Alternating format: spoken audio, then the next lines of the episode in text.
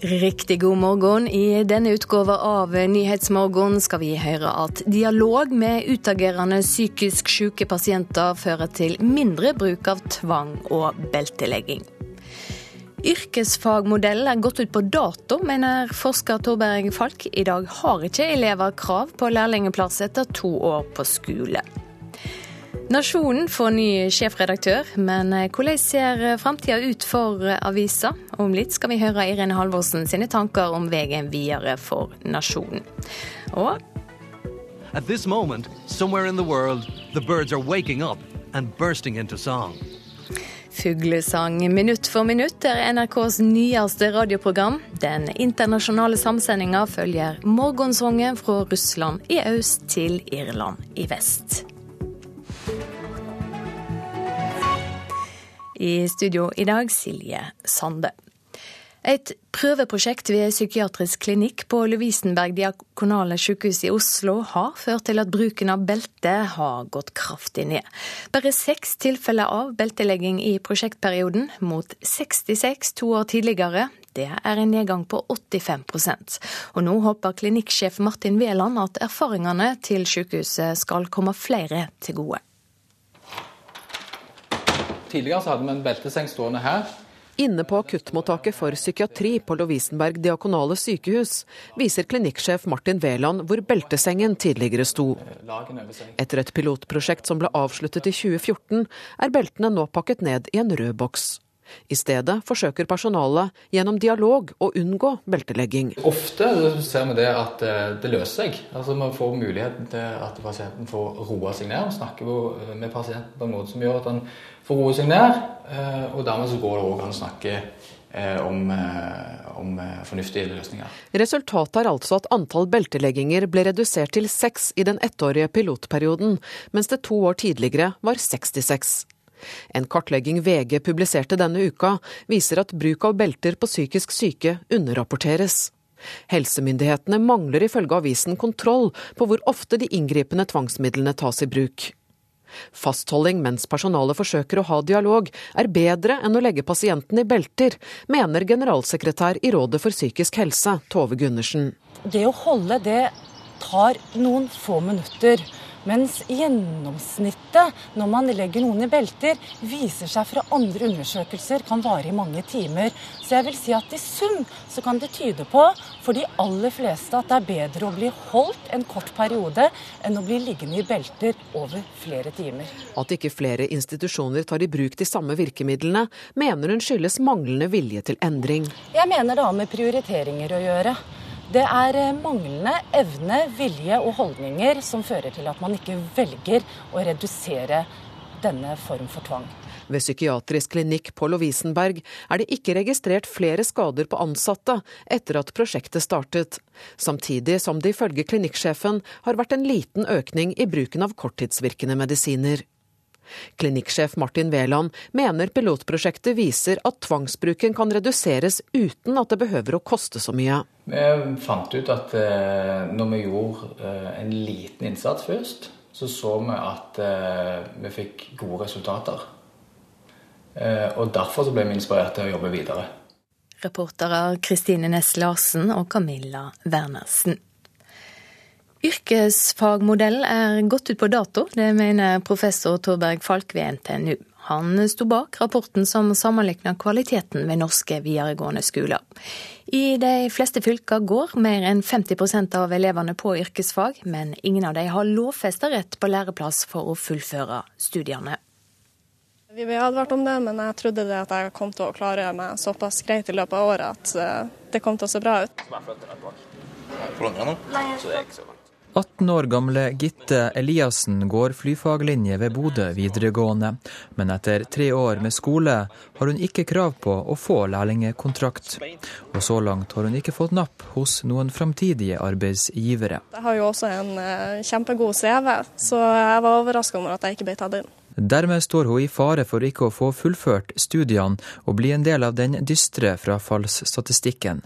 Slik har det vært siden midten av 90-tallet, da dagens to pluss to-modell ble innført for yrkesfagelevene. Samfunnsøkonom Torberg Falk ved NTNU mener modellen har klare svakheter. Jeg synes at det er en, eh, en, debatt man skal ta. fordi eh, Det er en, det er jo en frustrasjon over at, at, man ikke synes man får en lærlingordning til å fungere så godt som den bør i hele landet. Og Falk mener den tyske modellen der man blander teori og praksis, i mange tilfeller vil fungere bedre. At man er da i skole en to-tre måneder, og så en to-tre måneder i lære. Men at man, Det vil gjøre de de to første årene kanskje litt mer interessant, fordi at mange er litt lei det teoretiske. I dag er det bare teori, eller veldig mye teori i hvert fall, de første to årene. I Nordland fylke mangler hvert år fire av ti yrkesfagelever læreplass. Og fylkesråd for utdanning Hilde Marit Olsen sier de allerede har prøvd ut nye modeller med suksess. Vi prøver jo ut modeller, type vekslingsmodeller der elever starter tidligere ut i lære mens de også går på skole. På noen fagområder så ser vi jo at det er modeller som fungerer bedre enn to pluss to. Reporter Adrian Dahl Johansen. Og Utdanningsdepartementet har ikke kunnet kommentere saka. Den nye sjefredaktøren i avisa Nasjonen heter Irene Halvorsen og kommer fra jobben som samfunnsredaktør og kommentator i Dagsavisen. Og Irene Halvorsen, gratulerer med jobben. Tusen takk. Du starta i Nasjonen 1.6. Hvorfor vil du ha denne jobben? Fordi det er en fantastisk utfordring, eh, og fordi eh, jeg alltid har vært veldig opptatt av, eh, av nisjeaviser og den betydningen alle aviser egentlig i Norge har som viktige stemmer i den offentlige samtalen, det offentlige rom. I tillegg så mener jeg at nasjonen er veldig godt posisjonert for det grønne skiftet. Fordi hva vi lever av, og hvordan vi lever, og hvor vi lever, kommer til å bli helt sentrale spørsmål i vår tid. Og så er det en supertrend med ren mat. alle i den hele vestlige verden er opptatt av det nå, hvor, hvor maten kommer fra, og hva den har vært utsatt for eh, fra jord til bord. Hvordan skal avisa få en sterkere posisjon i det offentlige rommet?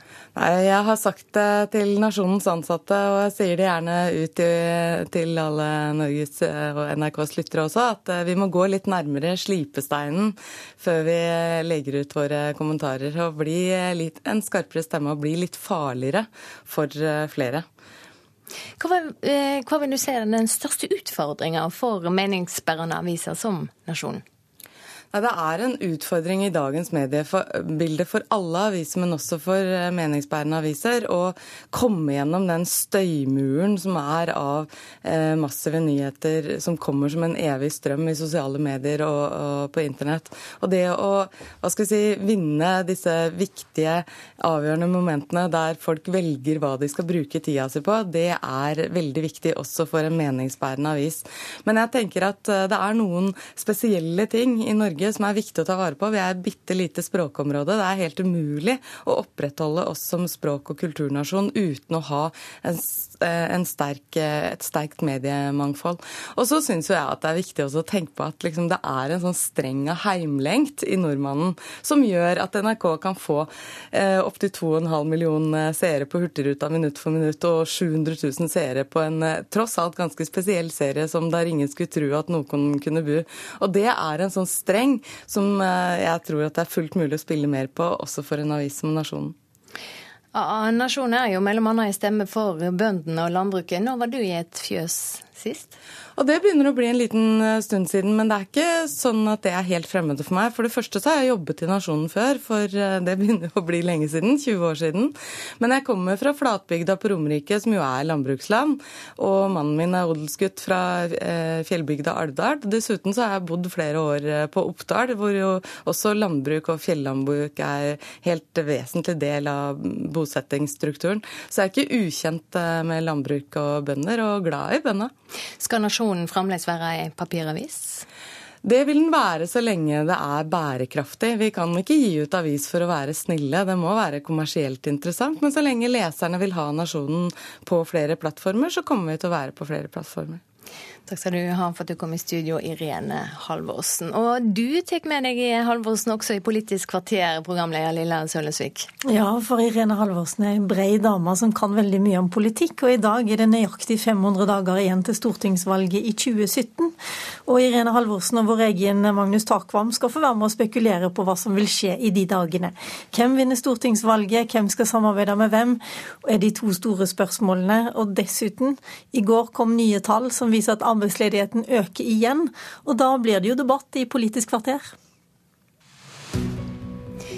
Vi skal eh, ha dagens avisrunde nå. Seks videoer med elever blir spredde på en ungdomsskole i Trondheim, forteller Adresseavisen. Det var en elev i skolen som slo alarm om nakenbilder som skal være lagt ut på ei privat nettside som elevene bruker. VG skriver om den 54 år gamle kvinna som er sikta for drapet på mannen sin på Hånes i Kristiansand. Politiet har ikke funnet noe drapsvåpen, men mener vaskemaskina i huset avslører at kvinna ikke snakker sant. Menn sine retter i abortspørsmål er tema i Aftenposten. Danske Jon ble far mot sin vilje etter at kvinna han møtte på byen ble gravid, og insisterte på å beholde barnet. Det er på tide å snakke om mennene sine retter også her i landet, mener sosialantropolog Runar Døving. Nå skal barnehagene i hovedstaden skrive 18 000 færre rapporter. To av tre rapporteringskrav i Oslo-barnehagen skal vekk, sier byråd for oppvekst og kultur Tone Tellevik Dahl til Dagsavisen. I stedet for skal barna få mer voksenkontakt. Telenor-toppene forklarer seg ulikt om VimpelCom, skriver Dagens Næringsliv. To direktører har hver sin forklaring på hvorfor de gjentekne korrupsjonsvarslene aldri nådde til topps i Telenor. Selskapets håndtering av uromeldingene om korrupsjon får sterk kritikk av Deloitte advokatfirma. Prosjektet for å sikre vannforsyninga i Tromsø ble et mareritt, og et titalls ansatte mista jobben, skriver Nordlys. Nå saksøker de Tromsø kommune for 21 millioner kroner.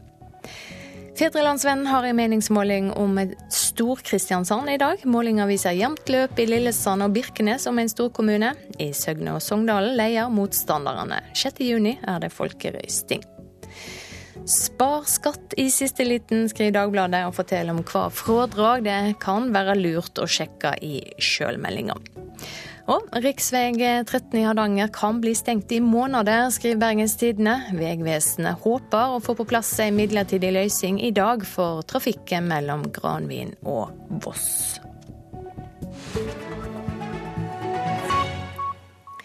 Så skal vi ha sport. Sykdom gjør at roerne Olaf Tufte og Kjetil Borch korkje får trent eller konkurrert sammen i dobbeltskulderen. De to skulle ha forberedt seg til den viktige OL-kvalifiseringa i mai, men en virusinfeksjon gjør at Borch må ta det med ro. Og dermed må Tufte trene alene. Vi har eh, OL-kval om eh, ikke veldig mange ukene, og akkurat nå så er Kjetil Borch sjuk. Så jeg sitter og plasker rundt i skølleren aleine. Det er ikke helt optimalt. I helgen var plan og ro konkurranse på Årungen. En konkurranse de sårt hadde trengt, siden de bare har konkurrert sammen én gang tidligere. Uten makker Borch må Tufte snu om på treningsopplegget, og tiden frem til OL-kvalifiseringen som starter 22. mai begynner å bli knapp. Tufte er bekymret. Vi må gjøre det vi kan, og så kommer han sterkere tilbake. Det er ikke tid for å sitte og ro maks intervaller når du er litt småforkjøla. I februar ble det klart at Tufte og Borch ville satse sammen mot OL i Rio. Landslagstrener Johan Flodin beklager at de mister verdifull trening. Så eh, hadde vi jo villet ha de her høye fartøktene eh, ur samtreningsperspektiv. da. Jeg kjører jo dem sammen med Are Kristoffer i lettviktsdobbel og, og, skulle kjørt et løp her på lørdag. Som, hadde, som jeg syns ur samkjøringsperspektiv hadde vært verdifullt. Men eh, fysisk sett så tror jeg ikke at det har noen stor betydelse på, i det perspektivet, i OL-kvalikperspektivet. Reporter Hilde Liengen. Klokka er blitt 6.47. Dette er hovedsaker i nyhetene nå. Bruken av tvang gikk ned etter prøveprosjekt. Nå er beltene pakka ned på psykiatrisk avdeling ved Lovisenberg diakonale sykehus i Oslo. Utenlandske IT-arbeidere tar over i norske bedrifter, men de kan være en tryggingsrisiko, advarer tryggingsstyresmaktene. Og forskere mener yrkesfagmodellen er gått ut på dato. I dag har ikke elever krav på lærlingplass etter to år på skole.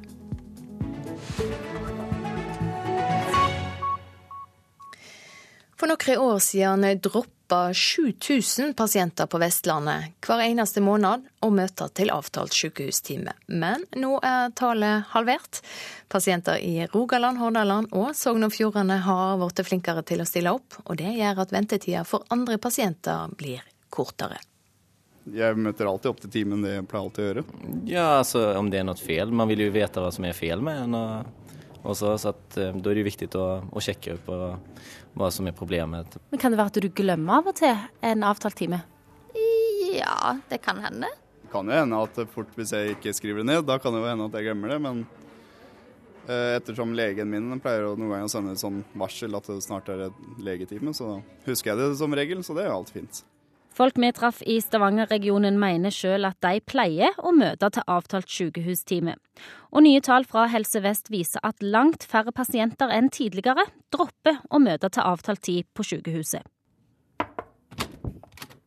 Hver måned for noen år siden droppa 7000 pasienter på Vestlandet å møte opp, men nå er antallet halvert.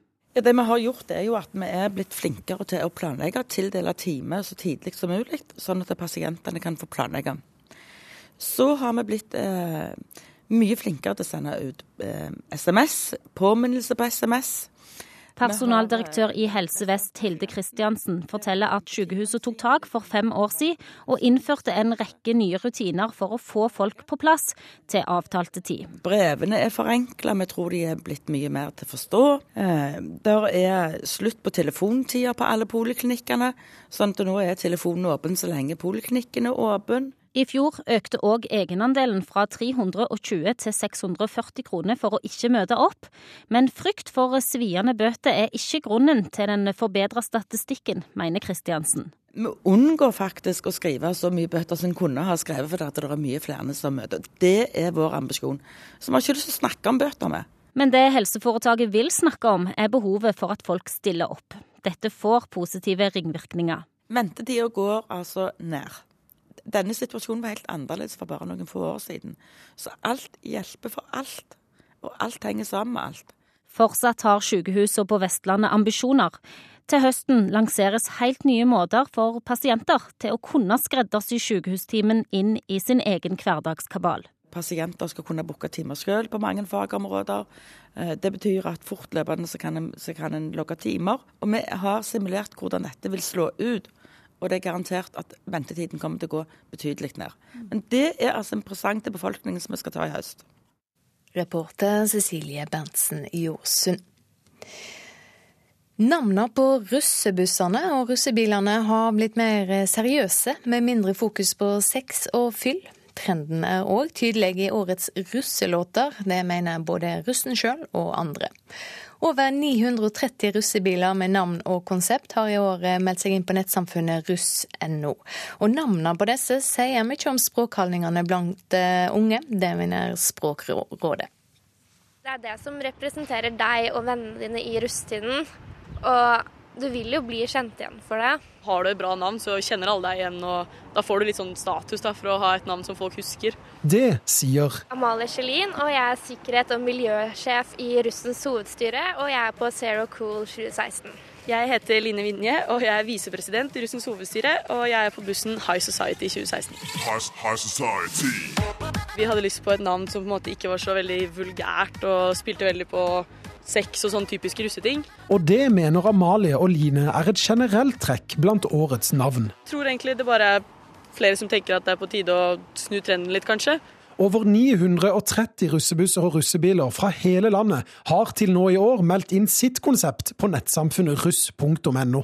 Russen i år er jo veldig preget av å være flinkis-generasjonen. Altså kanskje de er opptatt av å eh, måte, skape konsepter som virkelig blir lagt merke til. Da. Det sier Benedikte Jacobsen Hamnes.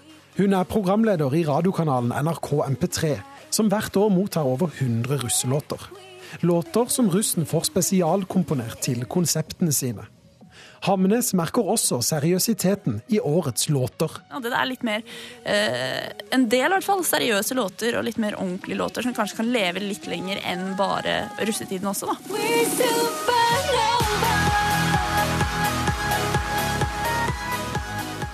Hva de kaller eh, russebussene sine, eller russebilene, sier jo også mye om eh, språkholdningene blant ungdom. Det sier Daniel Ims, seksjonssjef i Språkrådet. Det ser ut til umiddelbart at det er eh, flere engelskspråklige navn. Og Hva syns Språkrådet om det?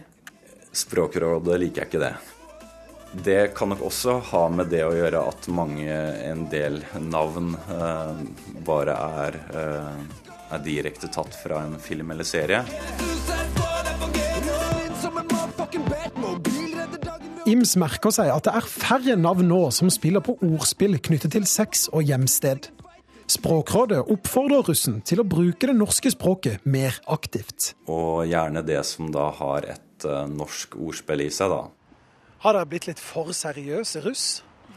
Nei, altså vi feirer jo russetiden akkurat sånn som alle andre russ har feira den tidligere. Men jeg tror egentlig bare det er som Amalie sier, at det er mindre fokus på sånn dårlige ting, og mer fokus på liksom noe mer morsomt, da. Reporter Christian Ingebretsen. Om du står tidlig nok opp på søndag, så kan du få med deg NRKs nyeste radioprogram, Fuglesang minutt for minutt. Programmet følger morgensongen til fugler i Europa fra sola står opp i Russland i øst til og til slutt dukker opp i Irland i vest.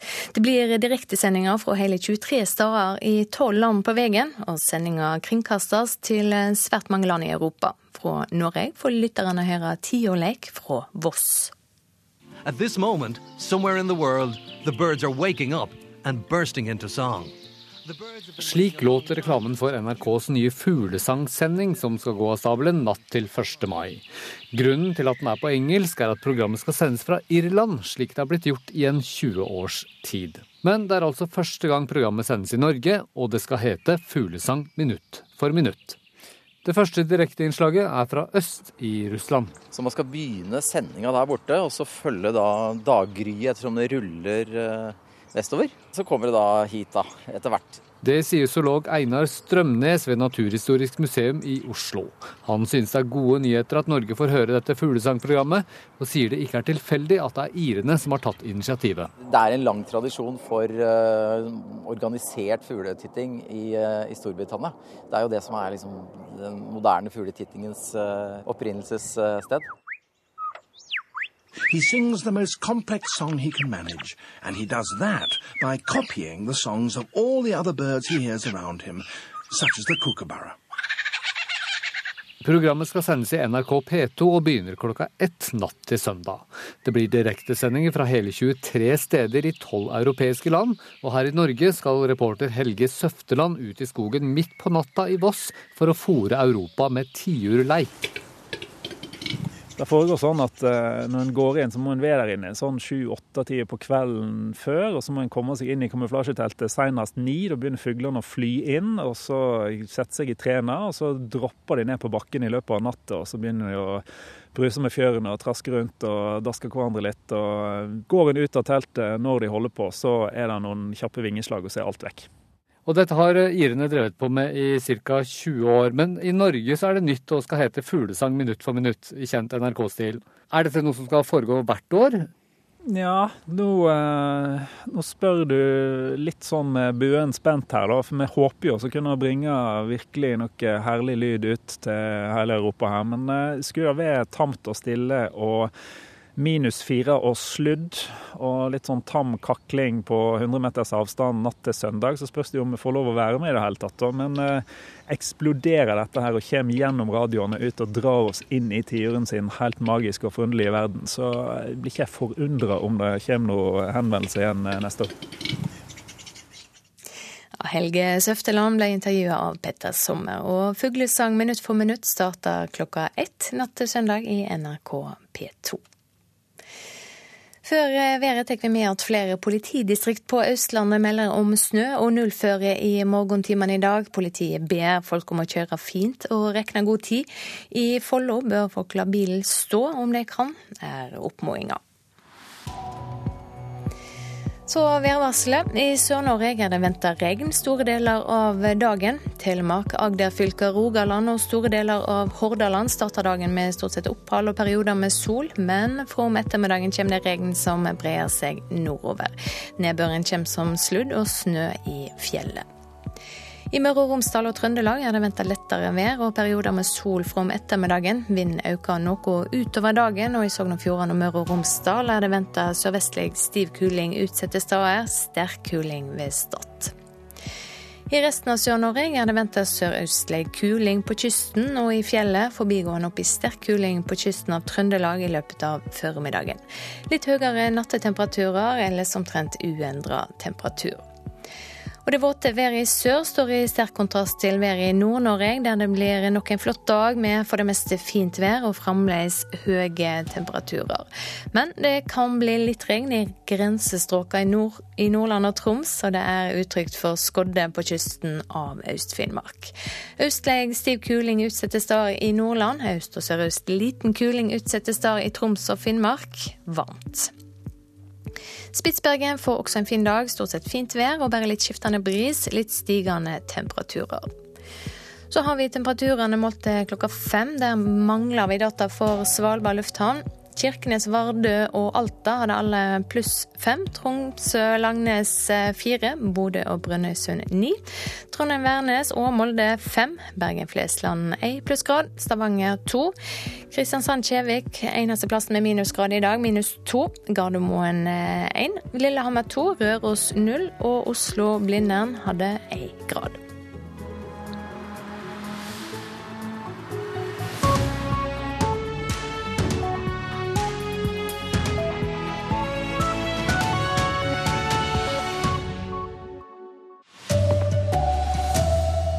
Bruken av tvang gikk ned etter prøveprosjekt. Nå er beltene pakket bort på psykiatrisk avdeling ved et Oslo sykehus. Russejenter går med pepperspray og voldtektsalarm. Helt feil at ansvaret legges på offer og ikke overgriper, mener Amnesty. Her er NRK Dagsnytt klokka sju med Anders Borgen Werring. Av psykiatrisk klinikk på Lovisenberg diakonale sykehus har et prøveprosjekt ført til at bruken av belter har gått kraftig ned. I den ettårige prosjektperioden var det bare seks tilfeller av beltelegging, mot 66 to år tidligere. Nå er beltene pakket bort. I stedet forsøker personalet gjennom dialog å unngå beltelegging, sier klinikksjef Martin Veland. I 2013 så, så vi det at gjennomsnittlig beltelegging var på 5 12 timer. I vår prosjektperiode så vi at holdning for fastholding av kvinner var gjennomsnittlig 11 minutter. Og gjennomsnittlig holding for menn var 13 minutter. Sånn at bare varigheten er jo av en helt annen dimensjon. Sånn at hvis man løste en situasjon ved holding, så kunne man en time senere se at vedkommende satt og kanskje spilte sjakk sammen med et personal. Hvis man skal dra det helt ut, så ville man i 2013 Timen senere så lå pasienten i belter. Russejenter utruster seg med pepperspray og voldtektsalarm før russefeiringen. For mange starter feiringen nå i helgen, og unge kvinner vet det er en risiko for å bli voldtatt. Men Amnesty mener det er helt feil å legge ansvaret for overgrepet på offeret, og ikke overgriperen. For vi har jo voldtektsalarmer og pepperspray, det er jo ting vi må passe på sjøl. Denne helga starta russetida, og i bagasjen til russejentene ligger p-parspray, voldtektsalarm og mange forholdsregler. Russepresident for Hafstadrussen i Førde, Torine Hope, og venninnene hennes forteller at de ikke er redde, men de går aldri ute alene etter det har blitt mørkt. Hvis vi er ute i helgene, så er vi en gjeng som går i lag. Eller at vi har kontakt med noen på veien hvis vi skal gå et lite stykke alene, da. Russ over hele landet er med på Amnesty Amnestys kampanje Nei er nei. Ansvarlig for kampanjen, Patricia Caté, mener det er et problem at foreldre snakker for lite om samtykke med guttene sine. Om hvor viktig det er å sørge for at de alltid har et samtykke i bønn når de har sex med en annen person. Reporter her, det var Marta Våge. Forvaltere i oljefondet kan få en bonus på opptil 200% av lønna hvis de gjør det bra. Det viser interne dokumenter Dagens Næringsliv har fått tilgang til. Nye EU-regler anbefaler bonustak på inntil 100% av den faste lønna. Arbeiderpartiets medlem i finanskomiteen, Torstein Tvedt Solberg, er kritisk, og krever en forklaring av finansminister Siv Jensen.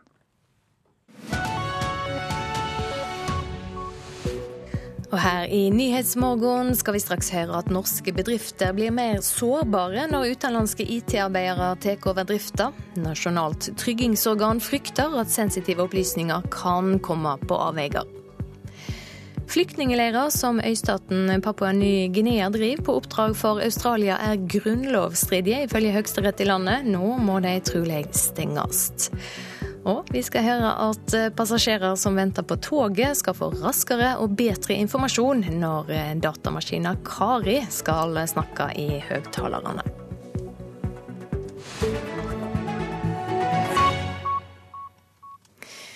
Norske virksomheter blir altså mer sårbare når utenlandske IT-selskap tar over sentrale deler av virksomheten. Advaringa kommer fra tryggingsstyresmaktene og Finanstilsynet. De er uroa over flyten av sensitive opplysninger som kan utnyttes av ondsinna stater og kriminelle. My God, we have already gone viral. The nation wants to know how. We are spreading faster than the swine det danses og synges på konferanse for IT-arbeidere hos Kognisant, en av Indias mange outsourcing-selskaper som er etablert i Norge. I India sitter tusener på tusener av unge teknologer på skolebenken i store utdanningssentra eid av outsourcing-selskapene. De skal bli effektive IT-arbeidere. Mange av dem kommer til å jobbe for norske bedrifter. Men det er problematisk at stadig flere sentrale IT-oppgaver utføres av utenlandske selskaper, sier seksjonssjef Jon Arne Gisnås i Nasjonal sikkerhetsmyndighet. Altså, vi er jo Når det gjelder de som har en sikkerhetsklarering som vi har et eh, ansvar for, så, så er vi jo bekymra over den summen av sensitive personopplysninger som i en gitt eh, situasjon kan utnyttes av en ondsinnet aktør, som da vi ikke har eh, nasjonal kontroll på. Og det, det, er klart at Hvis man, man, eh, ikke har et bevisst forhold til hva man outsourcer, så kan man jo komme opp i en situasjon at, eh, at eh, man ikke har kontroll på hvem som kan skru av deler av virksomheten. Undersøkelser fra Næringslivets sikkerhetsråd viser at 63% av norske bedrifter setter ut hele eller deler av IT-driften. Samtidig raseres norske fagmiljøer. Informasjonsdirektør Even Westerveld i DNB sier også de har outsourcet en rekke oppgaver. Dette handler både om rene driftsoppgaver, som handler om uh, mer sånn formelle oppgaver som knyttet til utbetaling og betalingstjenester osv., hvor det er noen oppgaver som er, uh, som er, flyttet ut. Og så er det jo uh, driftsavtaler med IT-leverandører, som har vært outsourcet lenge. Vi har kompetanse in-house, som det heter, på de aller mest kritiske tingene. Finanstilsynet mener det utgjør en fare når finansforetakene setter ut for mye av virksomheten. Når eksterne leverandører får tilgang til IT-driften, så får de også tilgang til dataene som finnes i systemet, sier seksjonssjef i Finanstilsynet Olav Johannessen. Foretakene setter ut mer enn det de har gjort før. Ser at de ofte overlater til det utkontrakterte selskapet, eh, altså underleverandøren, eh, veldig mye ansvar eh, og skyver det bort ifra seg. og Det er ikke vi veldig fornøyd med. Reportere Line Tomter og Anne Cecilie Remen. Jan Digernes, du er direktør i Finans Norge, der du annet har ansvar for digitalisering og banksikring. Er det grunn til eh, å uroe seg for at viktig IT-struktur blir borte fra norske hender? Eh, digitalisering og utkontraktering av IT-drift og virksomhet har, har pågått i mange tiår i, i finansnæringen. Det er eh, det er årsaken til at vi har en så høy produktivitetsvekst i finansnæringen over lang, lang tid. Så dette er ikke noe nytt som, som skjer nå, men, men, det er klart at eh, i da, dagens tid så er det mye Tempoet er så høyt, og, det, og, behovet for å gjøre ting enda raskere og enda mer effektivt har blitt større. Så sånn sett så, så skjer det nå en, en, utvikling, men dette er ikke på noen måte nytt, og det er under rimelig god kontroll. Men er det grunn til å uroe seg? Nei, jeg, jeg tror ikke det er grunn til å være bekymret sånn sett. Dette, dette er velregulert når det gjelder finansnæringen. Eh, finansnæringen får ikke lov til å sette bort til andre de mest kritiske delene av virksomheten sin, og det er ingen tvil om at de selv sitter med ansvaret, selv om selv om de gir dette fra seg til, til andre for å, for å, drifte det. Men eh, Nasjonalt tryggingsorgan sier det er uroa over summen av sensitive opplysninger som kan utnyttes? Det er klart at eh, det er viktig å holde kontroll på hva som skjer. Og, og hvis det går for raskt og, og ingen har, har oversikten, så, så, skal man jo være litt på vakt. Men men generelt så skal jo disse opplysningene, de kritiske opplysningene være lagret i, i Norge, og, og, de skal være lagret flere steder, slik at man har en backup på dem. Sånn at det, eh, risikoen for at alt skal bli borte, den, den er forsvinnende liten. Vil du si at eh, angrep fra datakriminelle er en større utfordring nå enn før en starta med å sette ut IT-funksjoner? Ja, Det er jo helt åpenbart at eh, datakriminalitet det er jo den viktigste trusselen man står overfor i dagens eh, digitaliserte samfunn. Og det man skal være oppmerksom på, er jo at eh, disse kriminelle miljøene det er ikke hobbyhackere. Dette er store multinasjonale virksomheter som har enorme økonomiske ressurser, og de har betydelig også IT-kompetanse. Og det å, det å, kjempe mot disse, det er virkelig en, en, tøff jobb, og den prioriterer finansnæringen høyt. Man hørte på Even Westerveld her nå, som sier at de har mye kompetanse inhouse, og de benytter kompetanse utenfor huset. og sånn Totalt sett så kommer man godt ut av det.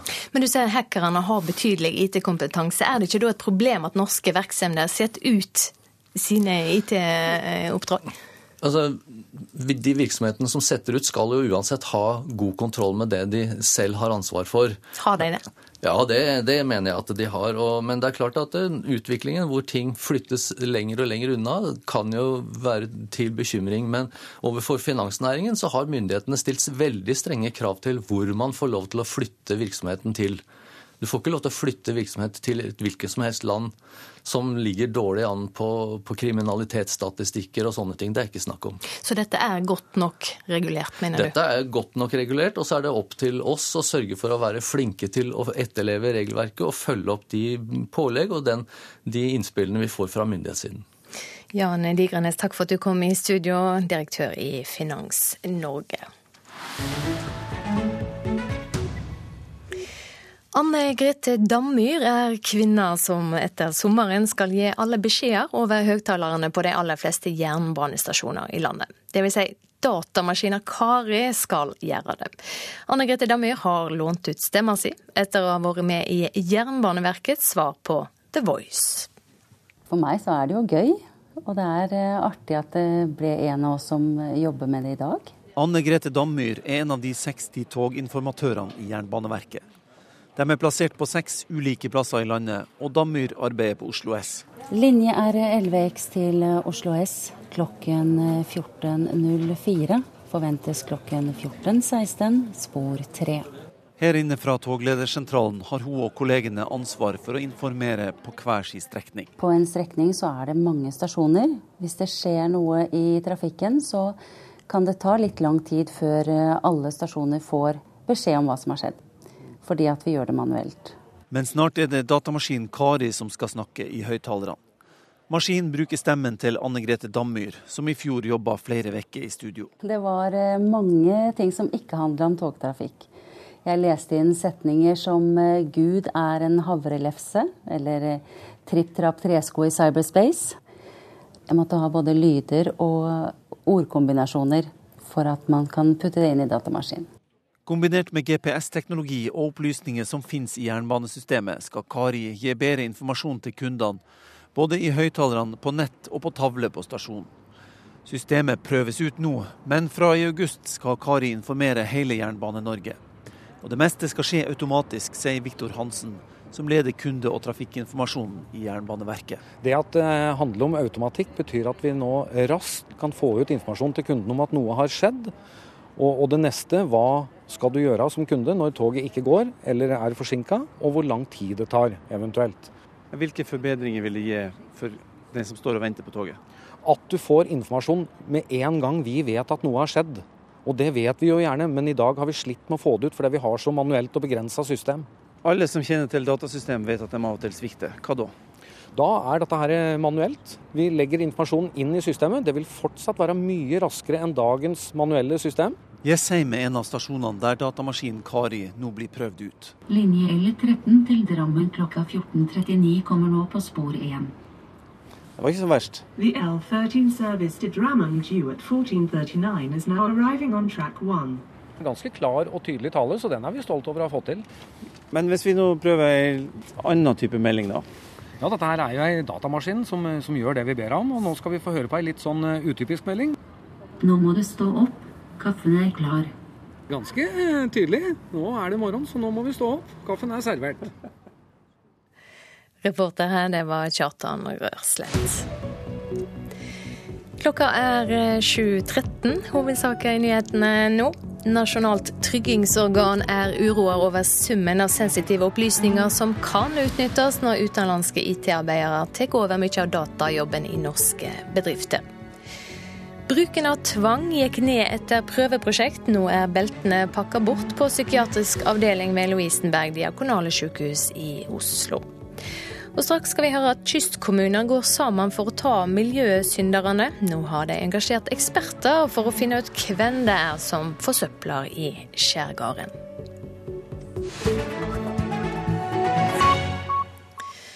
Høyesterett på øystaten Papua Ny-Guinea har erklært flyktningleirene landet driver på oppdrag for Australia som grunnlovsstridige. Dermed må leiren på øya Manus, som i dag blir leid av Australia for å huse flyktninger ute i havet, trolig stenges. Og Asia-korrespondent Peter Svaar, hva sier høyesterettsdommerne om denne leiren? Ja, Det de sier er at Interneringen av flyktninger i disse leirene altså strider med bestemmelser i eh, Papua Ny-Guineas grunnlov, som bl.a. sier at ingen mennesker kan fratas sin personlige frihet. Og Det betyr at uh, Høyesterett da overprøver en bilateral bilateral avtale mellom regjeringene på Papua Ny-Guinea og Australia, der eh, øystaten både har fått klekkelig betalt i leie for å drive denne leiren, men Australia er jo også Papua Ny-Guineas største yter av bistand og gir rundt 3,5 milliard kroner i bistand bare i år. Så denne beslutningen vil kunne få veldig store økonomiske konsekvenser for eh, den fattige øystaten eh, Papua Ny-Guinea, men det har altså dommerne her ikke tatt hensyn til. Hva vil da skje med de 800 flyktningene som er internert eh, der i dag? Ja, Det er akkurat nå et brennhett spørsmål som eh, ingen helt kan svare på. Både eh, regjeringene på Papua Ny-Guinea og i Australia søker nå juridiske råd om det, og de skal holde samtaler. Australias statsminister Malcolm Turnbull sier at ingen av dem noensinne vil komme til Australia. Han avviser helt å ta dem imot der. Og de, han sier at de er Papua Ny-Guineas ansvar, at de bør få opphold på øystaten, mens Australias menneskerettighetskommisjonær Gillian Triggs, en av få stemmer i Australia som taler flyktningenes sak, mener at Australia nå må ta imot dem. Eh, og Papua Ny-Guinea mener også at Australia har et ansvar. Eh, men en tredje og kanskje sannsynlig løsning er at disse 850 eh, internerte blir flyttet til to av de andre leirene Australia driver i andre øystater ute i havet, på øystaten Nauru og på Christmas Island. Og gitt den folkelige oppslutningen i Australia om å ikke slippe noen flyktninger i land der, så vil det sitte svært langt inne for regjeringen å innrømme dem opphold. Kan dette få konsekvenser for Australias praksis med å internere flyktninger på øde øyer ute i Stillehavet? Ja, Det er jo i hvert fall et annet, et, nok et skudd for baugen i den uh, kritikken Australia har fått de siste 15 årene for denne praksisen. De startet jo med slik såkalt offshore-behandling av asylsøknader etter at det norske lasteskipet Tampa med kaptein Arne Rinnan krevde å gå i land med 400 båtflyktninger han hadde plukket opp fra sjøen i 2001. Jeg har truffet noen av dem. De ble da sendt til øya Nauru isteden, og siden har jo Australia fått svært hard kritikk for sin flyktningpolitikk av FN. og av eh, Australias egen menneskerettskommisjonær og av Amnesty og andre eh, menneskerettsgrupper, uten at det har gjort noen forskjell. For regjeringen har mantra hele tiden vært å såkalt stoppe båtene med flyktninger som kommer fra Sør-Asia og Midtøsten via Indonesia. Så langt virker det ikke som om Labour-regjeringen har tenkt å bøye av, så lenge det finnes andre øyer de kan sende disse flyktningene til. Takk skal du ha, Asia-korrespondent Peter Svaar. I den russiske enklaven Kaliningrad forsøkte ukjente menn for en dryg måned siden å drepe en av de mest kjente journalistene og opposisjonspolitikerne i området. Igor Rudnikov overlevde åtaket, men han frykter fremdeles for livet, ikke minst fordi politiet har synt lite vilje til å finne ut hvem som sto bak åtaket mot ham. De er fremdeles i sjokk, journalistene i den lille avisen Novie Kaljosa. Nye jul i den russiske Kaliningrad-enklaven ved Østersjøen. Igor Rudnikov er redaktør for ukeavisen, og samtidig kjent som en frittalende politiker med sete i fylkestinget. For frittalende mente nok de som 17. mars i år gikk til angrep på ham på en restaurant i sentrum av Kaliningrad. В этот момент меня сзади кто-то обхватил руками. Jeg skulle akkurat til å åpne døren for å gå ut på gaten, da det var en som bakfra tok hånden rundt meg, forteller Igor Rodnikov. Det var en kraftig person som var høyere enn meg. Og i samme øyeblikk så kjente jeg at noen stakk meg i ryggen og i låret. Det var som slag med en hammer, forteller Igor Rodnikov, som bare noen dager før NRK treffer ham, er utskrevet fra sykehuset i Kaliningrad. Igor Rudnikov forteller at han fikk fem dype stikk med det som trolig var en kniv eller en syl. Det var bare fordi helsepersonell og ambulanse raskt kom til stedet man klarte å stoppe blødningen, noe som trolig berget livet til journalisten og politikeren. Jeg mener dette var proft utført. Tanken var nok først og fremst å skremme meg, men kniven gikk inn like ved en pulsåre, og hadde den kuttet den, ja, så hadde jeg blødd i hjel på stedet, sier Igor Rodnikov. Han mener at angrepet har sammenheng med hans profesjonelle arbeid som journalist i en av de få uavhengige mediene i Kaliningrad. Og han mener angrepet skjedde særlig pga. hans kritiske artikler om det som har skjedd i forbindelse med flere store utbyggingsprosjekter langs den attraktive kystlinjen mot Østersjøen. Men etter all oppmerksomheten som angrepet fikk, mener Igor Rudnikov at det som har skjedd, har slått tilbake på dem som bestilte overfallet. Minst ett av de store byggeprosjektene er stoppet fordi også myndighetene innså at det var blitt begått grove lovbrudd i forbindelse med utbyggingen. Men så langt er ingen formelt siktet for det som har skjedd, og Igor Rudnikov og hans kollegaer i avisen Nye Jul er svært kritisk til det som de mener er en mangelfull og til dels ikke-eksisterende etterforskning av angrepet 17. mars.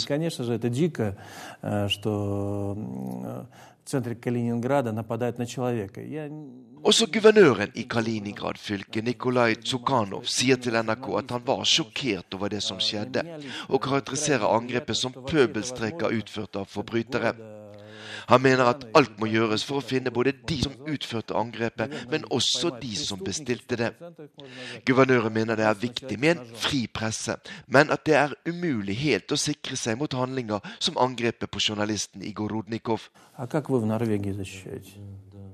Klarer dere i Norge alltid å beskytte deres borgere, svarer guvernør Nikolai Tsukhanov når jeg spør ham om han ser på det som en viktig oppgave å forsvare uavhengige journalister mot denne type angrep. Han bruker dermed samme type argumentasjon og retorikk som har blitt svært vanlig i Russland i dag. Situasjonen hos oss er ikke verre enn andre steder i Europa, og Europa er i krise pga. flyktningestrømmen og terror. Dette gjør at Igor Rudnikov og andre som slåss for det frie ord og menneskerettigheter, er svært bekymret for utviklingen. Человек, который выступал за возвращение når man utnevner en person som Tatjana Moskalkova til menneskerettighetsombud, en generalmajor fra politiet som ønsker å døpe om Volgograd til Stalingrad, innføre begrepet folkefiender og politiske motstandere, og igjen oppkalle det hemmelige politiet FSB til Tsjekan, som det het under Sovjetunionens første dager, ja, da er det grunn til bekymring, sier Igor Rudnikov. Men han gleder seg likevel over den store støtten han har fått fra journalistkollegaer over hele Russland, og fra mange politikere fra ulike leirer etter det dramatiske angrepet han var utsatt for 17.3. Det var Moskva-korrespondent Morten Jentoft som hadde vært i Kaliningrad.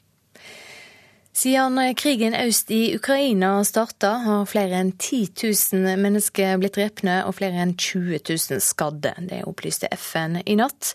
I det siste har kampene blitt hardere, og konflikten var tema i Tryggingsrådet i FN i natt. Da skulda Russland og Ukraina på hverandre. I Colombia har Høyesterett vedtatt å legalisere homofilt ekteskap. Formannen i Høyesterett sa til nyhetsbyrået AFP i natt at et flertall av dommerne var samde. Og Colombia blir med det det fjerde latinamerikanske landet som formelt godkjenner at mennesker av samme kjønn gifter seg. Så skal vi ha dagens avisrunde. Sexvideoer med elever blir spredde på en ungdomsskole i Trondheim, forteller Adresseavisen. Det var en elev ved skolen som slo alarm om nakenbilder som skal være lagd ut på ei privat nettside som elevene bruker. VG skriver om den 54 år gamle kvinna som har sikta for drapet på mannen sin på Hånes i Kristiansand. Politiet har ikke funnet noe drapsvåpen, men mener vaskemaskina i huset avslører at kvinna ikke snakker sant. Menn sine retter i abortspørsmål er tema i Aftenposten. Danske Jon ble far mot sin vilje etter at kvinna han møtte på byen ble gravid og insisterte på å beholde barnet. Det er på tide å snakke om mennene sine retter også her i landet, sier sosialantropolog Runa Døving til avisa. Nå skal barnehagene i hovedstaden skrive 18 000 færre rapporter. To av tre rapporteringskrav i Oslo-barnehagen skal vekk, sier byråd for oppvekst og kultur Tone Tellevik Dahl til Dagsavisen. Nå skal barna i staden få mer voksenkontakt. Telenor-toppene forklarer seg ulikt om VimpelCom, skriver Dagens Næringsliv. To direktører har hver sin forklaring på hvorfor de gjentekne korrupsjonsvarslene aldri nådde til topps i Telenor. Selskapets håndtering av uromeldingene om korrupsjon får sterk kritikk av Deloitte advokatfirma. Prosjektet for å sikre vannforsyninga i Tromsø ble et mareritt, og et titalls ansatte har mista jobben, skriver Nordlys. Nå saksøker de Tromsø kommune for 21 millioner kroner. Fedrelandsvennen har en meningsmåling om et Stor-Kristiansand i dag. Målinga viser jevnt løp i Lillesand og Birkenes om en storkommune. I Søgne og Sogndal leier motstanderne, og 6.6 er det folkerøysting. Spar skatt i siste liten, skriver Dagbladet, og forteller om hva fradrag det kan være lurt å sjekke i sjølmeldinga. Og rv. 13 i Hardanger kan bli stengt i måneder, skriver Bergens Tidende. Vegvesenet håper å få på plass en midlertidig løsning i dag for trafikken mellom Granvin og Voss.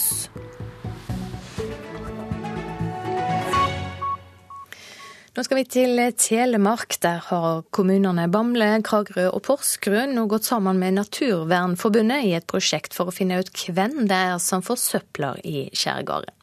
På strender langs hele kysten er det funnet mengder av miljøgift. Nå vil kommunene forsøke å stoppe utslippene. Her er det store plastfraksjoner, nok en lighter, plastflasker. Masse små pellets og isopor. Det er bitte, bitte små biter? Ja, kjempe, ja, de er veldig små biter. Og veldig mye akkurat her, da. Det er det stedet vi ser her i fjorden som det er aller, aller mest. Men du finner disse småkulene også på, på Jomfruland f.eks.? Ja, det finner vi. Og de ser litt forskjellige ut. Noen sorte og noen hvite. og så det finner vi i hele fjordsystemet. Miljørådgiver i Porsgrunn kommune, Katrine Nedberg, viser frem avfall som har drevet i land på Frierstranda i Porsgrunn. Bitte små, runde plastkuler ligger i store hauger på stranda. Hvor de kommer fra, er det ingen som sikkert vet. Men en av teoriene er at industribedrifter spyler avfall på sjøen, nærmest uten å være klar over det selv. Katrine og hennes kollegaer som jobber med miljøvern i kystkommunene, har bestemt seg for å finne ut hvem som står bak. Sammen med Naturvernforbundet og med støtte fra Miljødirektoratet har de samlet inn bevis og fulgt situasjonen over lang tid. Det er forbudt å forurense, så det kan man si er ulovlig. Vi finner det ut på Jomfruland og vi finner det ut på Langøya og ja. Så, Men hva er det for noe? Det er jo det er plastfraksjoner som blir brukt i plastindustrien.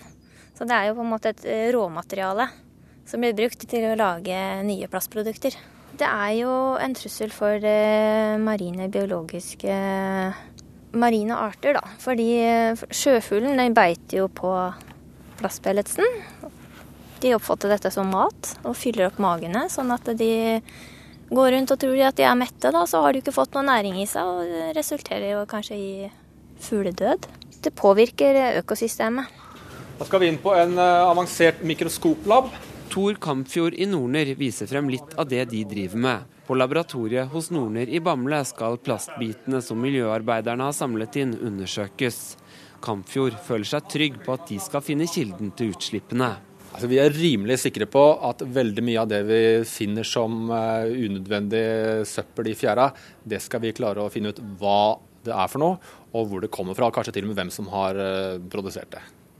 Så nå bør industrigigantene skjelve litt i buksene? Nei, Jeg håper at de klapper i hendene, så de kan, vi kan hjelpe dem å løse et problem som er et problem. Så Det er jo litt av det vi hjelper til med her, å, å finne løsning på en del utfordringer som må gjøres noe med. Den her på stranda i Porsgrunn er Katrine Nedberg og de andre miljørådgiverne lei av å plukke søppel og rydde opp. Nedberg sier de vil ta grep og stramme opp de som står bak. Det kan også bli aktuelt å anmelde til politiet om synderne ikke vil samarbeide. Høre litt med dem hva de tenker om det og presentere noen funn. Kommer vi ikke noe vei med det, så kan man jo ta andre midler i bruk. Forurensningsloven kan man bruke, og man kan ta en kontakt med Miljødirektoratet også, som er ansvarlig for noen av bedriftene her ute. Så det er flere veier å, å gå. Reporter her Stian Vårsjø Simonsen. I reportasjen etter Dagsnytt om eh, drøye ti minutter skal vi til Kaukasusfjella, for i Georgia bor en minoritet som snakker svansk, et av verdens eldste og mest utryddingstrua språk. Og i dag er det akkurat 500 dager igjen til stortingsvalget i 2017. Politisk kvarter i dag skal se på hva vi kan vente oss i løpet av den tida. Produsent for Nyhetsmorgen, Vidar Eidhammer. I studio, Silje Sande.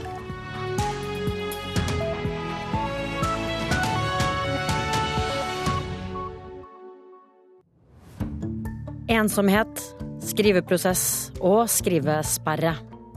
Hva skal til for å mestre skrivekunsten, og hva gjør forfatteren når skrivinga går fullstendig i vranglås? Hør Kulturhuset i dag klokken 13.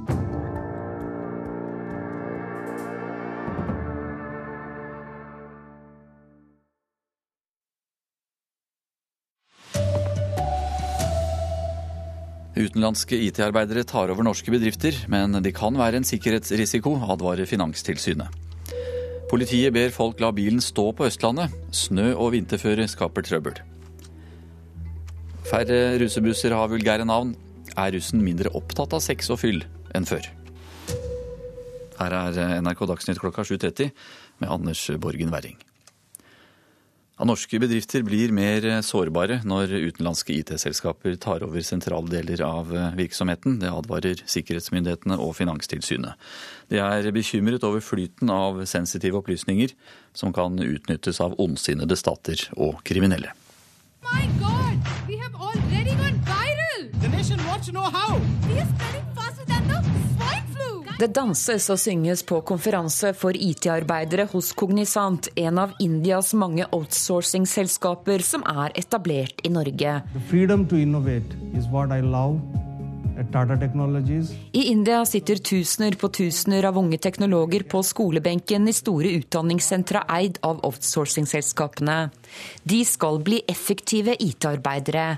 Mange av dem kommer til å jobbe for norske bedrifter. Men det er problematisk at stadig flere sentrale IT-oppgaver utføres av utenlandske selskaper, sier seksjonssjef Jon Arne Gisnås i Nasjonal sikkerhetsmyndighet. Altså, vi er jo Når det gjelder de som har en sikkerhetsklarering som vi har et eh, ansvar for, så, så er vi jo bekymra over den summen av sensitive personopplysninger som i en gitt eh, situasjon kan utnyttes av en ondsinnet aktør, som da vi ikke har eh, nasjonal kontroll på. I alt 63% av norske bedrifter setter ut hele eller deler av IT-driften, viser undersøkelser fra Næringslivets sikkerhetsråd. Å gi noen tilgang til driftssystemet vil også gi tilgang til dataene som finnes i systemet, advarer seksjonssjef i Finanstilsynet Olav Johannessen. Så det er klart at eh, Får man tilgang til informasjon, så kan det misbrukes eh, i uante sammenhenger. Reportere her, det var Line Tomter og Anne Cecilie Remen. Jan Digranes er direktør i Finans-Norge. Han mener det ikke er grunn til å bekymre seg fordi utenlandske selskaper tar mange av datajobbene. Det er klart at eh, det er viktig å holde kontroll på hva som skjer. Og, hvis det går for raskt og, ingen har, oversikten, så, skal man jo være litt på vakt. Men, men, generelt så skal jo disse opplysningene, de kritiske opplysningene være lagret i, i Norge. Og, og, de skal være lagret flere steder, slik at man har en backup på dem. Sånn at eh, risikoen for at alt skal bli borte, den, den er forsvinnende liten. Is, snø og vinterføre fører til eh, vanskelige kjøreforhold eh, i store deler av landet. Det er mange utforkjøringer og problemer pga. det. Og på Hadeland kan det bli vanskelig for elever å komme seg på skolen med buss i dag. Det er eh, store forsinkelser, forteller Geir Hestetrø i Opplandstrafikk. På hele Hadeland så har all trafikk, sånn som vi skjønner store problemer i dag. Og det innebærer òg den busstrafikken som vi har der. Det berører jo alle som nå skal på jobb på morgenen, og alle skoleelever. Vi, eh, vi har hatt eh, innstillinger nå fram til nå, men vi klarer sakte, men sikkert å få i gang en del busser ved å legge kjetting på dem. Men de må kjøre med veldig lav hastighet. Og det vi òg ser, det er at en god del privatbiler på sommerdekk eh, kjører veien, snurrer på veien foran oss og stenger veiene. Så det å skape en del utfordringer for oss. Ja, politiet på Østlandet ber folk vurdere å la bilen stå i dag pga. snøfallet og de vanskelige kjøreforholdene. Ved psykiatrisk klinikk på Lovisenberg diakonale sykehus i Oslo har et prøveprosjekt ført til at bruken av belter har gått kraftig ned. I den ettårige prosjektperioden var det bare seks tilfeller av beltelegging, mot 66 to år tidligere. Nå håper klinikksjef Martin Wæland at sykehusets erfaringer skal komme flere til gode. Tidligere hadde vi en belteseng stående her. Inne på akuttmottaket for psykiatri på Lovisenberg diakonale sykehus viser klinikksjef Martin Wæland hvor beltesengen tidligere sto. Etter et pilotprosjekt som ble avsluttet i 2014, er beltene nå pakket ned i en rød boks. I stedet forsøker personalet gjennom dialog å unngå beltelegging. Ofte ser vi det at eh, det løser seg. Altså Man får muligheten til at pasienten får roa seg ned. og snakker med pasienten på en måte som gjør at han får roe seg ned. Eh, og dermed så går det òg an å snakke eh, om, om fornuftige løsninger. En kartlegging VG publiserte denne uka, viser at bruk av belter på psykisk syke underrapporteres. Fastholding mens personalet forsøker å ha dialog, er bedre enn å legge pasienten i belter, mener generalsekretær i Rådet for psykisk helse, Tove Gundersen. Det å holde det tar noen få minutter.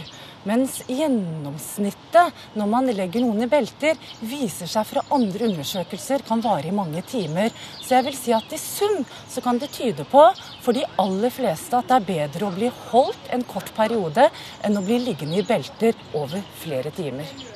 Klinikksjef Martin Wæland mener pilotprosjektet ved Lovisenberg viser at tvangsbruken kan reduseres uten at det behøver å koste så mye. Vi fant ut at eh, når vi gjorde eh, en liten innsats først, så så vi at eh, vi fikk gode resultater. Reportere Kristine Næss Larsen og Camilla Wernersen. Telenor får krass kritikk for håndteringen av korrupsjonsbekymringene rundt deleide teleselskapet VimpelCom. Kritikken kommer i en granskingsrapport skrevet av eh, advokatfirmaet Deloitte. Det skriver Dagens um, Næringsliv. Økonomireporter Halvard Norum, hva er det kritikken går ut på? Altså dette Teleselskapet VimpelCom, som Telenor fortsatt eier en tredjedel av, de har jo innrømmet massiv korrupsjon over mange år i Usbekistan, og eh, betalt over 6 milliarder kroner i bøter for det. Og I etterkant så har det jo vist seg at allerede i 2011 så varslet ansatte i VimpelCom, Telenor-oppnevnte styremedlemmer i VimpelCom og deler av konsernledelsen i Telenor her hjemme om det de oppfattet som klare korrupsjonsbekymringer rundt en del av disse utbetalingene som gikk fra VimpelCom til dette postkasseselskapet som var kontrollert av den usbekiske presidentdatteren. Eh, og Dette var jo utbetalinger som har vist seg å være korrupsjon i ettertid. Eh, og Det er jo håndteringen av disse varslene som, som Telenor får kritikk for. Så hva konkret er det kritikken går ut på? Ja, Det handler mye om at kritisk informasjon ikke er brakt videre. At eh, en del folk har vært opptatt av formalitetene, og ikke kanskje så mye om realitetene. Eh, kritikken går på at eh, konsernledelsen, altså de konsernledelsen som ble kjent med korrupsjonsmistankene, ikke varslet daværende sjef Jon Fredrik Baksås. At man mener at Telenor-styret burde vært varslet før, at etikkomiteen i Telenor burde vært varslet før, at største eier Næringsdepartementet burde vært varslet før, osv. Og så får også da tidligere Telenor-sjef Jon Fredrik, Fredrik Baksås kritikk for at måten han hadde organisert eierskapet i VimpelCom på, bidro til at man ble sittende litt for mye på hver sin tue, at ikke systemet fanget opp disse korrupsjonsmistankene. Hva sier Telenor? Ikke stort. Jeg har vært i kontakt med Telenors informasjonsfolk, og de vil ikke kommentere opplysningene i DN. De vil vente til denne rapporten offisielt skal eh, legges fram, og det er ventet skal skje i løpet av eh, månedsskiftet. Så den burde være rett rundt hjørnet. Eh, og Jon Fredrik Baksås har så langt ikke besvart våre henvendelser. Takk skal du ha, økonomimedarbeider Halvard Norum. Navnene på russebussene og russebilene har blitt mer seriøse, med mindre fokus på sex og fyll. Trenden merkes også på årets russelåter, mener både russen selv og andre. Det er det som representerer deg og vennene dine i russetiden. Har du et bra navn, så kjenner alle deg igjen, og da får du litt sånn status da, for å ha et navn som folk husker. Det sier Amalie Kjellin, og jeg er sikkerhet- og miljøsjef i Russens hovedstyre, og jeg er på Zero Cool 2016. Jeg heter Line Vinje, og jeg er visepresident i Russens hovedstyre, og jeg er på bussen High Society 2016. High, high Society. Vi hadde lyst på et navn som på en måte ikke var så veldig vulgært, og spilte veldig på sex og sånn typiske russeting. Og det mener Amalie og Line er et generelt trekk blant årets navn. Jeg tror egentlig det bare er flere som tenker at det er på tide å snu trenden litt, kanskje. Over 930 russebusser og russebiler fra hele landet har til nå i år meldt inn sitt konsept på nettsamfunnet russ.no. Hva de kaller eh, russebussene sine, eller russebilene, sier jo også mye om eh, språkholdningene blant ungdom. Det sier Daniel Ims, seksjonssjef i Språkrådet. Det ser ut til umiddelbart at det er eh, flere engelskspråklige navn. Og Hva syns Språkrådet om det? Språkrådet liker jeg ikke det. Det kan nok også ha med det å gjøre at mange, en del navn eh, bare er, eh, er direkte tatt fra en film eller serie. Hørte Daniel Ims eh, i Språkrådet til slutt her. Reporter eh, i saken det var Christian eh, Ingebretsen. Og i Kulturnytt i NRK P2 rett etter Dagsnytt klokka åtte så spør vi hvorfor russekonseptene er så viktig for ungdom i dag. Ansvarlig for Dagsnytt, Arne Fossland.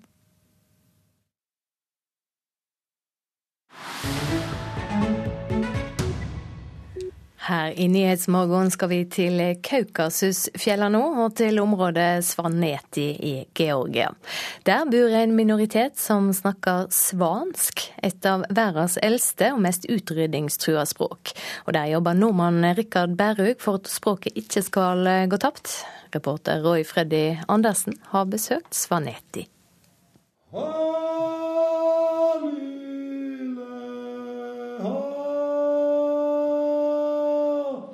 Familien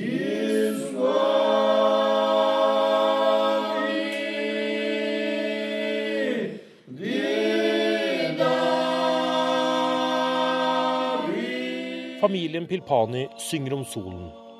De synger en sang som er mye eldre enn kristendommen, og de synger på et av Europas aller eldste og mest utrydningstruede språk, svansk. Det var i ferd med å dø ut. De unge ville ikke lenger snakke det mange tusen år gamle språket. Men nå har de 20 000 som bor her oppe, fått hjelp fra høyst uventet hold. Fra en nordmann. Vi befinner oss i et av de mest avsidesliggende områdene i Europa. Dette er fjellregionen Øvre Svaneti, helt nord i Georgia, på over 1500 meter. De store tårnhusene her er over 1000 år gamle. De var middelalderens skyskrapere. På en stol i stua hos familien Pilpani sitter nordmannen Rikard Bærhaug.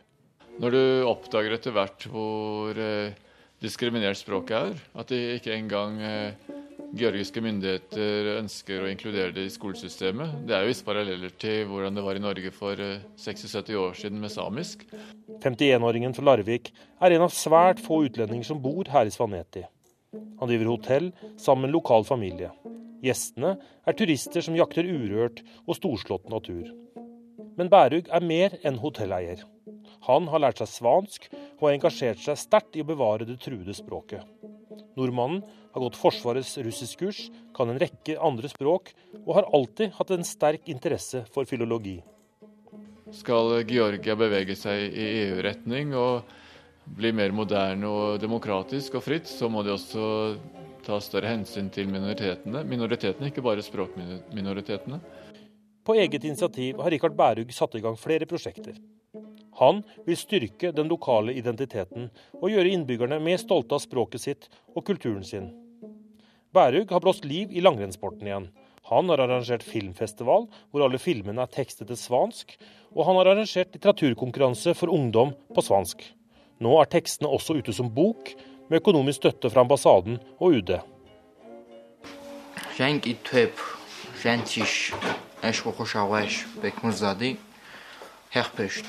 Lasha Pangan ble nummer to i litteraturkonkurransen i Svaneti. Slik høres det ut når han leser sin egen tekst på svansk. 17-åringen forteller at mange unge i Svaneti heller snakker georgisk enn svansk. De har sett på språket som gammeldags, men jeg merker at det er i ferd med å endre seg, forteller han. Rikard Bærug har mange planer framover. Han vil først og fremst fortsette med litteraturkonkurranser.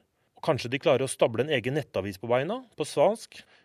Hjemme hos familien Pilpani hever Vaktan glasset for å skåle og takke for hjelpen han har fått. With pleasure, I want now tell the toast about Richard. Because Richard is uh, for the Swanetti, he is God sent.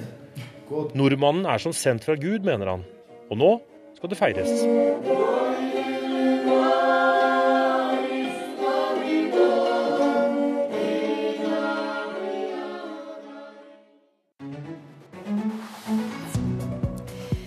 Klokka er 7.44. Eh, Overskrifter nå her i Nyhetsmorgen.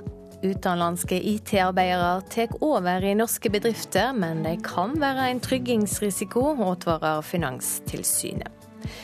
Politiet ber folk om å la bil stå på Østlandet i dag. Snø og vinterføre skaper trøbbel flere steder.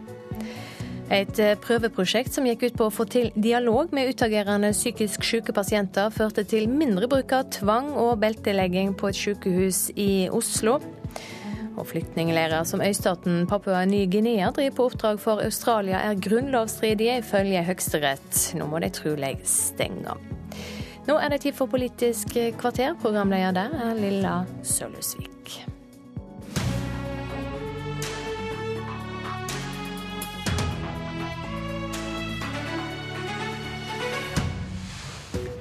Høyre og Arbeiderpartiet beskylder hverandre for å velge feil virkemidler for å bekjempe arbeidsledigheten.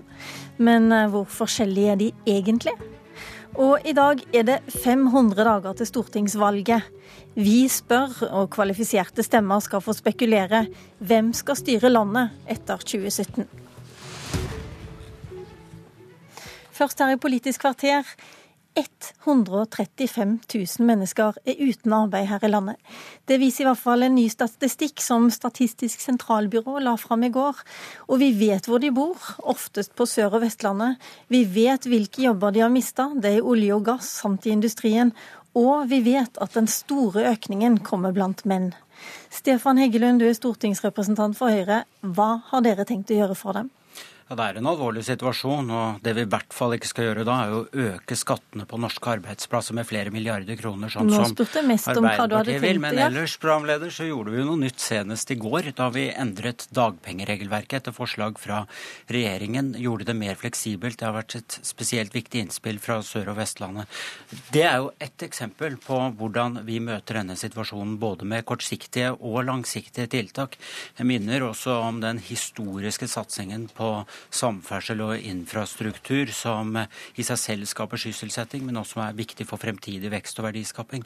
Den enorme satsingen på kunnskap, forskning, innovasjon, eh, utvidelse av permitteringsregelverket, satsing på bedriftsintern opplæring og en kraftfull tiltakspakke. Så dere er rett og slett på god vei, det er det du sier nå?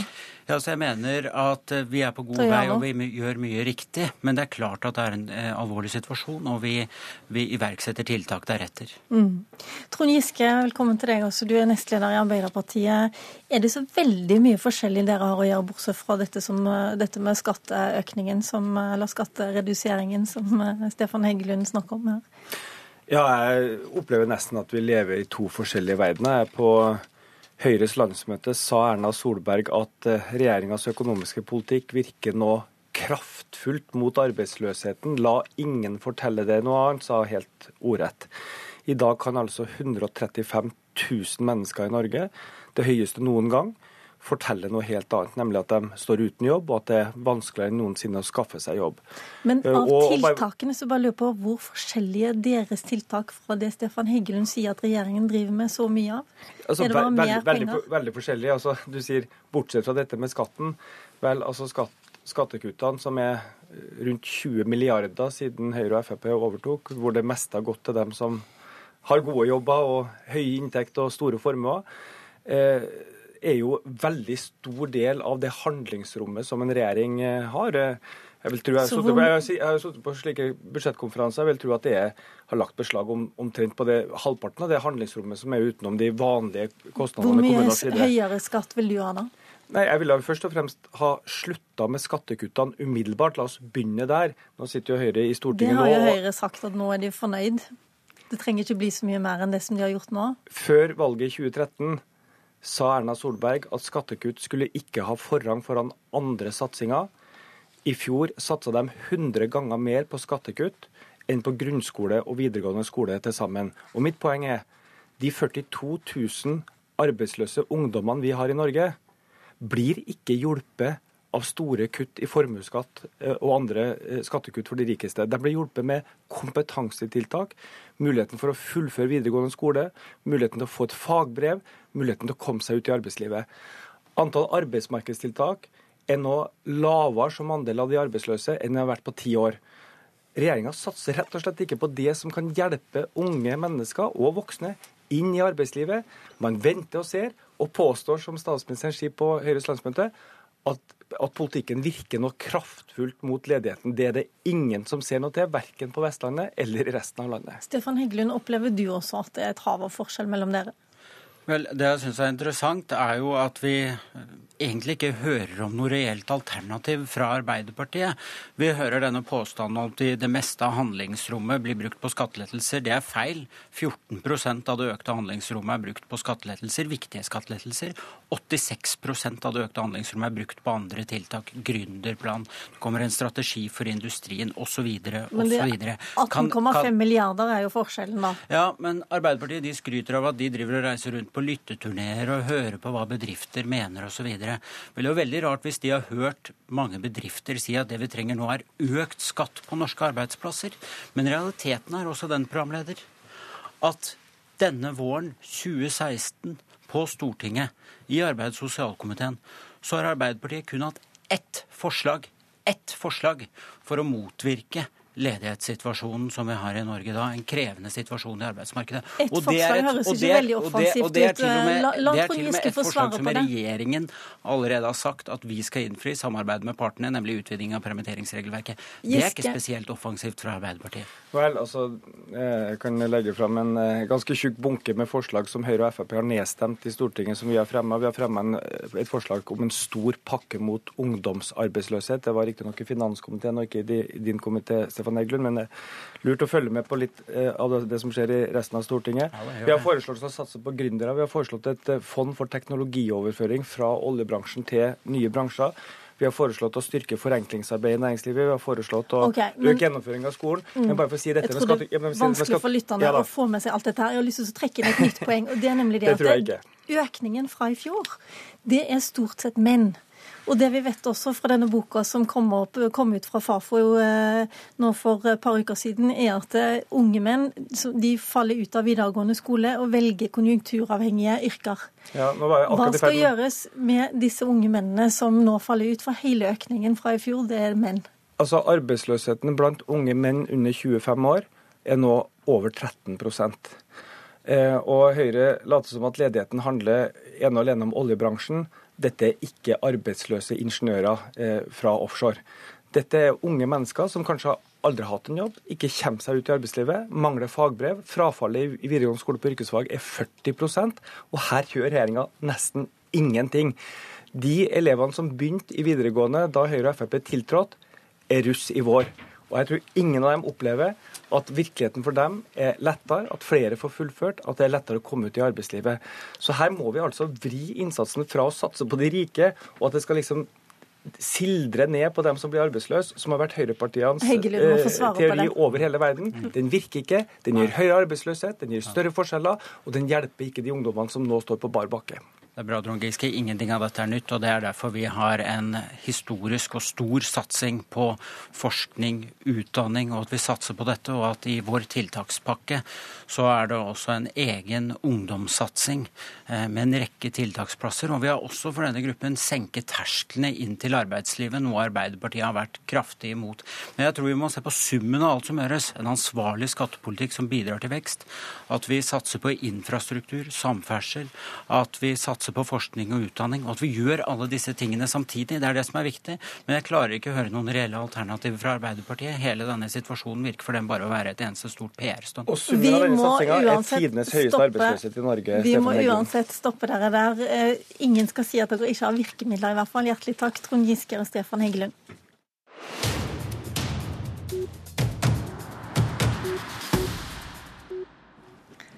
Denne debatten skal vi ha mange av, tror jeg, i de neste 500 dagene. Mandag 11.9 er det bare å merke av i kalenderen først som sist. Da er det stortingsvalg i Norge, og for den som ikke har fått det med seg, det er 500 dager igjen til det. Kommentator Irene Halvorsen, aller først gratulerer med ny jobb som påtroppende sjefredaktør i Nasjonen. Tusen takk. Hvem tror du blir statsminister høsten 2017? Det er et uh, stort og ekstremt vanskelig spørsmål, og jeg opplever at uh, det er helt, helt åpent nå hvem som blir statsminister. Uh, men det blir én av to. Det blir enten Erna Solberg eller Jonas Gahr Støre. Ja, det var jammen ei bombe. Kommentator Magnus Takvam, hvordan er Erna Solbergs sjanser for å beholde regjeringsmakt etter 2017? Ja, den er jo absolutt til stede. Eh, de siste målingene har jo gitt eh, såkalt borgerlig flertall eh, alle sammen. Altså de fire partiene som står bak dagens regjering. Hun sier jo sjøl at det er, det er, veldig få andre statsledere som, eller statsministre som har hatt så god posisjon så, eh, på dette tidspunktet før valget. Ja, altså det er mange regjeringer som har opplevd større regjeringsslitasje enn det Høyre-Frp-regjeringen har gjort. Men eh, svaret på spørsmålet ditt avhenger selvfølgelig av eh, både den politiske dagsorden framover, fram til valget, hvordan eh, velgerne oppfatter at regjeringen håndterer den, og eventuelt hvordan Arbeiderpartiet er som alternativ og opposisjon til den. Eh, stikkord eh, arbeidsledighet, eh, flyktningepolitikk. Eh, og helt konkret selvfølgelig de mindre partiene og sperregrensen. Alt dette er faktorer som, som vil avgjøre regjeringsspørsmålet i, i valget neste år. Den aller siste meningsmålingen er jo Dagens Næringsliv som kom i dag, og som viser en framgang for Arbeiderpartiet, mens Høyre og Frp går litt tilbake. Eh, det er en trend som dere ser i flere målinger? Det er litt ulikt på ulike målinger, men det absolutt mest avgjørende her er jo, som eh, Magnus eh, Takvam sier, nemlig eh, støttepartienes rolle. Og i denne målingen så går jo både KrF og Venstre litt fram, ikke signifikant, men litt fram, og klart fram i forhold til valgresultatet i 2013. Og begge de partiene er jo egentlig spill, selv om KrF er det partiet som helt klart med sin brede debatt har gitt mest signaler om at det ikke lenger lenger eh, kan regnes som en trofast støttespiller for eh, Erna Solberg og Siv Jensen. Erna Solbergs drøm om fireparti, en firepartiregjering er i praksis knust. Det er ingen lenger som tror på det. Jeg tror egentlig ikke Erna Solberg tror på det heller, selv om hun gjør gode miner til slett spill. Og så er det sånn som Takvam sier her, at den økonomiske utviklingen, altså hvis regjeringen ikke klarer å eh, komme med kraftfulle tiltak som faktisk får eh, reell virkning, virkning på den økende arbeidsledigheten, så får regjeringen et stort problem. Søndag er det jo 1. mai, og da skal Trond Giske, som var her nå, selvfølgelig snakke om sitt favorittema om dagen, som er arbeidsledighet. Han skal til Røros. Sylvi Listhaug skal til Drammen og snakke om sitt favorittema, som er asylpolitikken. Det er vel ikke tilfeldig at de er så ivrige etter å snakke om disse to temaene, Magnus Takvam? Nei, det er riktig. Og eh, noen analyser av, eh, av meningsmålingene eh, antyder at Arbeiderpartiets vekst fra 2013 på målingene nå i stor grad kommer på Vestlandet, altså i de fylkene som er rammet av oljenedgangen, prisfallet på olje. Slik at og alle har jo registrert den voldsomme intensiteten som er i Arbeiderpartiets argumentasjon omkring ledighetsspørsmålet for tiden. Både sentralt og over hele landet regionalt så er det om å gjøre for Arbeiderpartiet selvfølgelig å investere politisk kapital i den saken, for der har de høy troverdighet. Men de har jo også gode resultater å vise til gjennom mange år på, ja. på nettopp å bekjempe arbeidsledighet. Og, og, det å bruke alle landets ressurser og alle eh, mennesker i landet få flest mulig arbeid, det er jo det Arbeiderpartiet er tufta på. Men er det så veldig stor forskjell på virkemidlene? var det jeg prøvde å spørre om i forrige debatt. Det, det, vil man være uenige om. Det er klart at eh, karakteren av ledigheten denne gangen er en helt annen enn i finanskrisen i, som vi opplevde i 2008. Slik at eh, den store forskjellen er eh, i skattepolitikken. Og der er jo Arbeiderpartiets argumentasjon at de eh, midlene som er gått til skattelette, alternativt kunne vært brukt målrettet mot ledigheten.